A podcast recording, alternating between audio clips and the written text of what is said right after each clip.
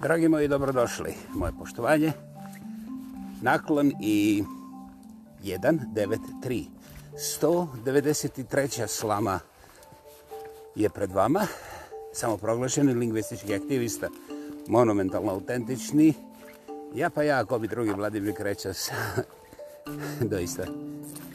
Predivnih stjenovitih planina.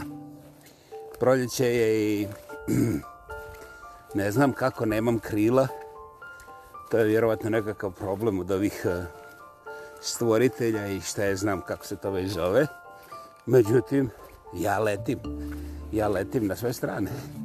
Iako me slučajno večeras vidite šta je znam da na žici visokog naporna gore ovaj, prelistavam svoje peruška da vidim jesu sve na broju. Nema problema, ne brinite, struje me neće krehnuti.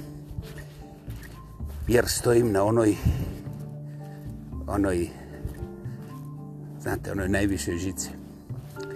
Ali nećemo oko toga jer danas imamo e, forme za razbijanje. Ja inače vrlo rado razbijam forme. I onda kada ih razbijem, o da, ima jedna vrlo važna stvar.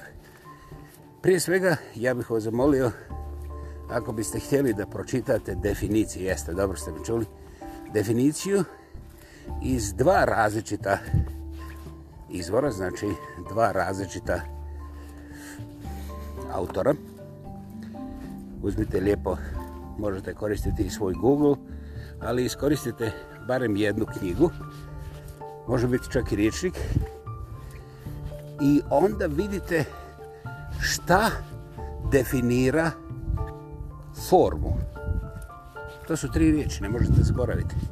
Međutim, Pometnja je nevjerovatna, ja sada ne pomišljam raditi analizu, niti osvrt, ali vrlo dobro vidim, gotovo na svakom koraku, da ljudi između forme i, na primjer, formalnog, što mi je prvo palo na pamet, ne vide razliku. I ovaj, to ti je isto otprilike kao što bi bilo, a to ne treba objašnjavati ni, ni zadnjem tupomarinu, ovaj prsten, veritbeni prsten se zove vjera ili vjera, zavisno kako u kojem kraju. Ali istovremeno, vjera u čovjekovoj glavi, duši, emocijama, intelektu svakako, jednostavno nikad nije bila materijalno, osim aktivnosti na principu vjera, ali to je već neka sasvim druga stvar. Znači imate vjera i vjera i ovaj jednostavno nisu iste. Iako i ovaj prsten obećava nekakvu vjeru, ali i sami znate da je u 50% slučajeva onako grubo govoreći to obično premazivanje da neko nekoga smijesti u određenu poziciju i onda iz izmuze dovoljno sredstava i nekakvih aktivnosti u nekakvim mjestima, privatnim, intimnim, šta je znam, ne, ne znam ja sve te stvari. I to je to. Dakle, opet se vraćamo na materijal. Međutim, kada razbijam formu, ja volim skrenuti pažnju svima. Molim vas, molim, a ne razbijajte ni jednu formu ukoliko niste razbijali ozbiljno proučili barem dvije različite definicije šta to doista definira formu. Na isti način, um, svi ovi koji koriste razno razna oružje, posebno ovi sa ratovima za demokraciju, mir, ljepotu, divotu i uveseljavanje, ovaj, oni su stimulirani kao potrošači ovih fast foodova. Jaka je lijepa naša jezika. Da, e, da, da, da opaljuju što više. Znači, da što više raketla, bombica i svih tih sredstava za pucketanje i uništavanje, ono, spržavanje, urnisanje i tako dalje. Jer, da li ste ikad čuli da postoji štenja na municiji? Ja, na primjer, nisam. A volio bi da vidim te novine u kojima ćete mi pokazati članak da neka ozbiljna država ozbiljno razmišlja o uštedi na municiji. Ja nisam rekao oružje, znaš ono s čime se, to, s čime se ta municija pljucka na druge jadne ljude, nego eto, znači na municiji.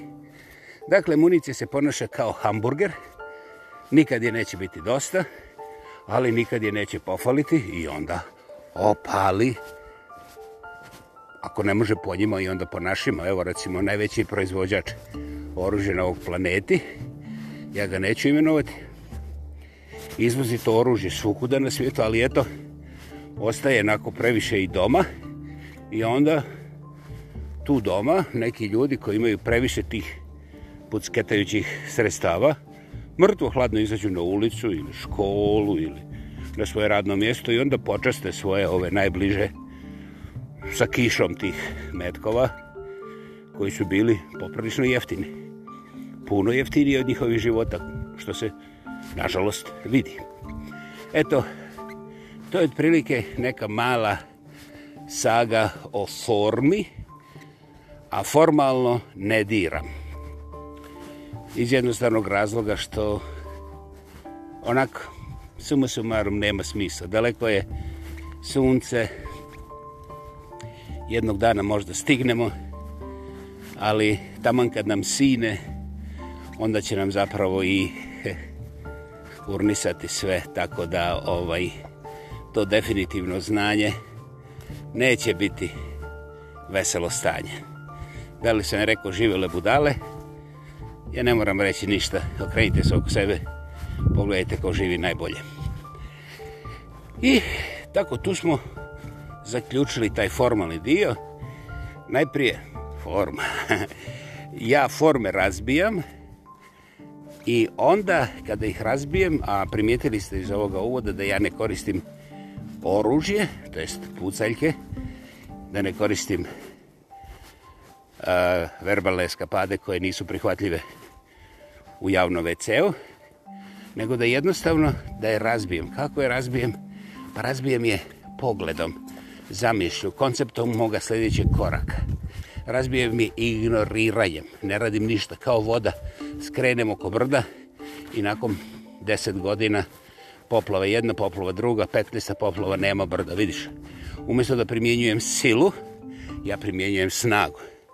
Da li vam to trebamo objasniti? Haha vjerovatno, ali bi onda vi zaključili da ja u stvari ništa ne znam. Pa pošto ja već unapred znam da vi sve znate, onda moje znanje ne igra ulogu. Dakle, možemo ići na drugu točku dnevnog reda. Ovaj, I tu smo već u igri koja je ozbiljna, ali kad ja razbijem tu formu sa kojom se suočim, onda se to ne vidi. I to je prekrasno. Ja sam presretan što sam razvio tu umjetnost poteza, ali u praktičnoj poleđini koja je zapravo prednjevina stoji zapravo neoboriva snaga činjenice, prirodne činjenice da kad razbijem formu i onda ne vidim više ništa, ničega nema onda je ta forma u stvari upravo bila to potemki novo selo, razumiješ?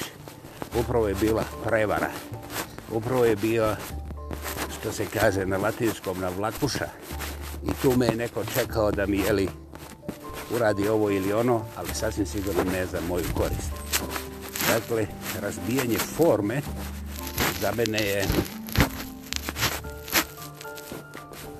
rutinska svetinja svakodnevnog života. Mhm. Neću ovu definiciju objasniti, a ako promišljate sami za sebe, donit ćete i bolje. Eto. I onda ja pogledam ovako u taj svijet oko nas i primijetim kako su ljudi, evo barem ovdje u Sjevernoj Americi, eh, Amerikanaca i Kanadjana ima oko nešto manje od 400 miliona, znači jedva trećina jedne Kine, čak i manje. I ovaj, otprilike, ako pogledate, uzmite Google, tamo će vam reći da nešto manje od 130 miliona, jeste, jeste, dobro ste čuli, 130 miliona tih sjevernoamerikanaca, to su kanadjanovi i amerikancevi, koriste antidepresante. Koliko je to sintetičke sreće, ne da ne mogu zamisliti, nego neću ni slovom dalje pominuti, pomenuti, ali to je već indikacija da neki ljudi ne razbijaju forme ili barem ne razbijaju dovoljno. A jedna od najvećih formi je keka, novac, dolar. I tu postoje različiti pristupi, ali jednostavno neupitno vjerovanje u dolar je veće od svega drugoga. Čak i od svih bogova i religija koje se tu mogu okolo naći, pomenuti, šta ti ja već znam. Uh, ja sam ušao mi, iako slučajno krcnem, zovite hitnu pomoć ako se ne javim za dva minuta, jer vjerovatno sam slomio neke ove dijelove koji mi trebaju ne samo za pokret, nego i za bivanje ovaj prisutnim na planeti. Aha. Uh -huh da li sam ja hrabar?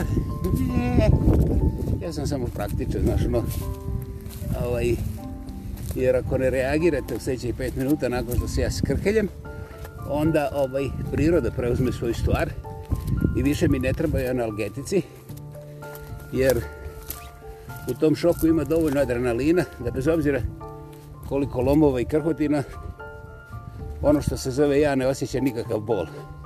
Dakle, ja izgledam cool, a u stvari sam geknuo na vrlo glup način. sam sebe odveo u šumu da se slovim. Pa to mi ni dušmani ne bi napravio ozbiljno. Eto, sad vidite da ambivalencija nije izmišljena, nego ona, ona ima svoje uporište u takozvanom stvarnom životu. Dakle, neosporni Bog i neosporni ujedinitelj svih ideja i novac. A, pitanje je jedino količina. Znači, vaš novac usred Vegasa ne mora biti dolar. Ako imate dva brda kuna i uspjeli ste da ih dovučite nekako do Vegasa, oni će uzeti gole cure da to sve prebroje i da vam daju ekvivalent u dolarima ili zašto u dolarima kad mogu da vam daju žetone i to samo po 30% provizije. Dobro, 35. I onda e, još jedan fi i na kraju da vi ćete upola manje nego da ste imali dolara, ali bože moj, vi ste htjeli kune i oni kažu zašto ne kune. Mislim, kune ko čuna, mislim, dobrodošli. I ovaj, dakle, novac iz ovoga se nekako ispostavlja prolazi sve granice. Da. Da. Međutim, ne.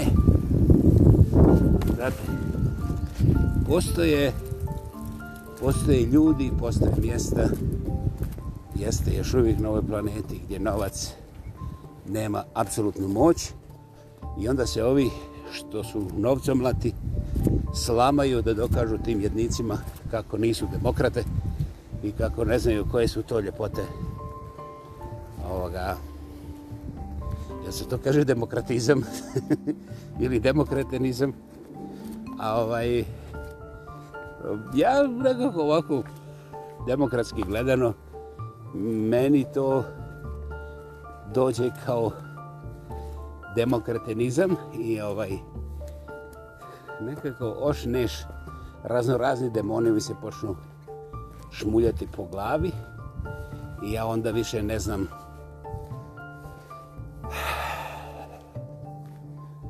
ali znam da nam je novac postao totem takozvanog modernog doba sve se mjeri novcem i znaš da ne okolišam Ako se sve mjeri novcem, onda smo mi kao civilizacija vrlo duboko zatuceni, primitivni, bezidejni i nemamo budućnost. Jer umjesto da zajedno pravimo taj neki svemirski lavor u kojem ćemo prati noge, naše noge, na našem Marsu, mi imamo Dobro, ne baš stotine, ali nema, sačekajte malo. Svaki debil koji preko noći postane turbu bogat, odjednom spašava planetu, ali samo sa njegovom interesnom, interesnom zonom a, proizvodnje i pameti. Dakle, ako razumijete išta o tom bazičnom zakonu vjerovatnoće, onda u toj kakofoniji, znaš, neki kake, pa onda pogrešno primjenjuju te ko konkluzije, to nije to i konkluzije, jeste. Ovaj, primjenjuju ono da različita mišljenja u dinamičnom tom nekakvom susretu rađaju nova, još bolja, dinamičnija mišljenja, odnosno proizvodnija, odnosno uspješnija, odnosno... E, znate, to je isto kao da vam ja kažem da svaka dobra i široka guza od 25 godina može da rodi blizance. Znate, prije svega odbod bi me spržile ove feminiskinje, a ja se neću ni braniti jer mislim da su u pravu. Međutim, ako bih ja njima iz te anatomije donio ove nekakve studije, pa onda pokazao šta rade akušeri i ovo, i ostala ta ekipa koja se razumije u te dijelove ljudske anatomije, onda bi oni mene odbrijali da ja filozofiram. Najvjerovatnije. Međutim, znate, to što bih ja dobio nije sasvim prazno, ali istovremeno nije ni relevantna. Jer eh, te neke drugarice 25 godina koje posjeduju fizičke prerogative da budu majke, negdje oko 10% njih, a na nivou Sjeverne Amerike, tu je već nekoliko miliona, koliko se zna, ima ih oni koji šute, potpuno zdravi žena koje nikad neće pomisliti da bi bile majke nekome ili nečemu. I to već ne pripada meni ili tebi, nego to je neko, neko personalno, privatno stanje gdje bi valjda demokracija trebala da zaštiti tu osobu. Jer, ne znam, nisam primijetio da ovi intelektualci modernog doba, demokrate, ovaj, da napadnu nekog muškoga, pa kažu, hej, imaš sve, zašto ne postaneš tata? Toga nema, ali ima brutalnog hvalisanja za 5 minuta 74 puta 27 komada. Oh, ovo je imen i odvratno. Dakle, gospodo,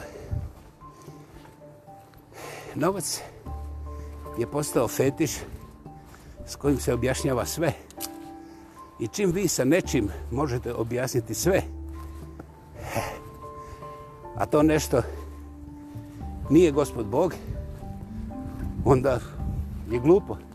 Najmanje pola ljudi, pola cijelog čovječanstva će se suprostaviti.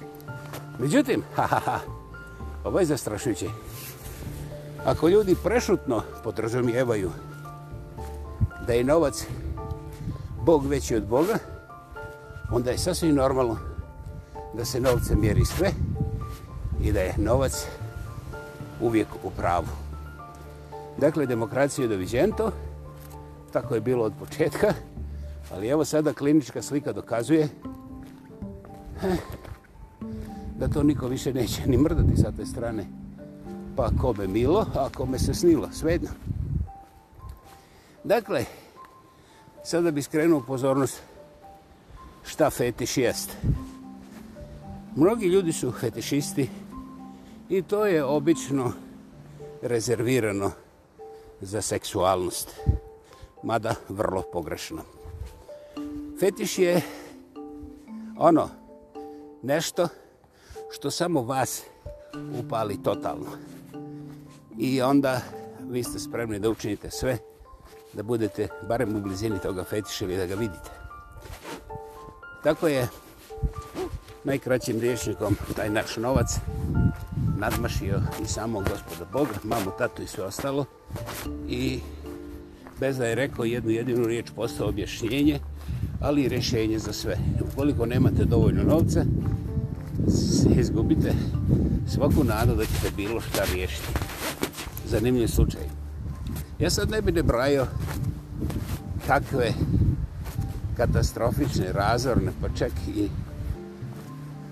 istinski neljudske ljutine ovi sa viškom novca rade, promoviraju i doslovce lažu. A svijet, svijet se ne otključuje glasno reći. Car je, šta je ono sa njegovim novim ruhom?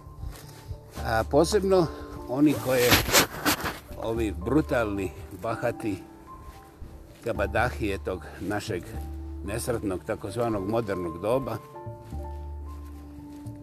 oni kupuju svoje institucije i svoje novinare i svoje televizijske stanice da bi slika o njima bila uglancana, perfektna, trendovska i vrhunska. Dakle, nema gadosti koju oni ne mogu zapakovati u zlatan medijski celofan i prodati kao trend za još više para koje im i onako ne trebaju. A pritome meni stvarno iskusni, sposobni književnici skaču na vrat kako im je žao što neko dijete umire tamo negdje od gladi. Dakle, da li je to absurd? Ne, gospodom. Da skratim. To je naša realnost danas. Mi je zovemo moderno demokratsko doba. Mi smo ponosni na svoje religije, ali znaš, ni to ne ide bez novca. Dakle, da li ja kažem da je novac nepotreban? Za Boga ne. Ali kao i sve drugo, recimo, ako volite kvalitetno meso, uzmite najkvalitetnije i jedite samo meso mjesec dana, iako ste preko 50, vaše šanse da preživite su manje od 20%. A da, zaboravio se reći, jedete samo najbolje meso i ništa drugo. Samo mjesec dana. Pa tako isto priča i sa novcem.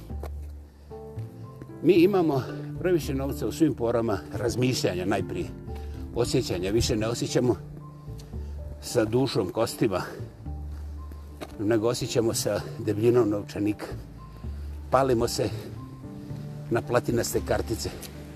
Nema više one malo čas spomenute guze, bluze i tako dalje. Gledamo da li kuća ima 15 katova, da li u Majorki ili na Havajajcima. Jajca sama za sebe, čak i ako su non GMO i ono super size, se ne broje. Može i impotentni dika ako ima sef od čelika. Dakle, razumili ste, fetiš novca je pokakao sve naše svetinje i mi ga još uvijek trebamo i plašimo se da ne ostanemo bez dovoljno tih sredstava usrećivanja. To znači da smo mi kao civilizacija postali treće razredne prostitutke, koje žrtvuju sve novcu. Ja svakako ne bih izašao u svijet bez novca, jer, znaš, kad ode ovako duboko šumu, divota je da na sljedećem parkingu mogu naručiti taksi, a to ne ide bez para. Isto tako, kada dva dana radim, pa ne stignem ništa, onda i taj nesretni burger, za 3-4 dolara stvarno mi nešto znači. Ali ja govorim o potrebama, a ne o svakodnevnom trebanju ili moranju. I to je ogromna razlika. Ja vjerujem da je debelo skužili sve postulate koji se pred vama upravo zlate i u tom smislu i okviru ja završavam u miru. 193. postav vama za vama. Ja pa ja, kovi drugi Vladimir kreće ispod predivnih stinovitih planina. Želeći vam svako dobro, prediva dan. Sreću i radost na svakom koraku. Jedno iskreno i duboko hvala što ste bili sa mnom. I svakako, kao i uvijek prije, čujemo se prije nego što se vidimo. Hvala. Ćao.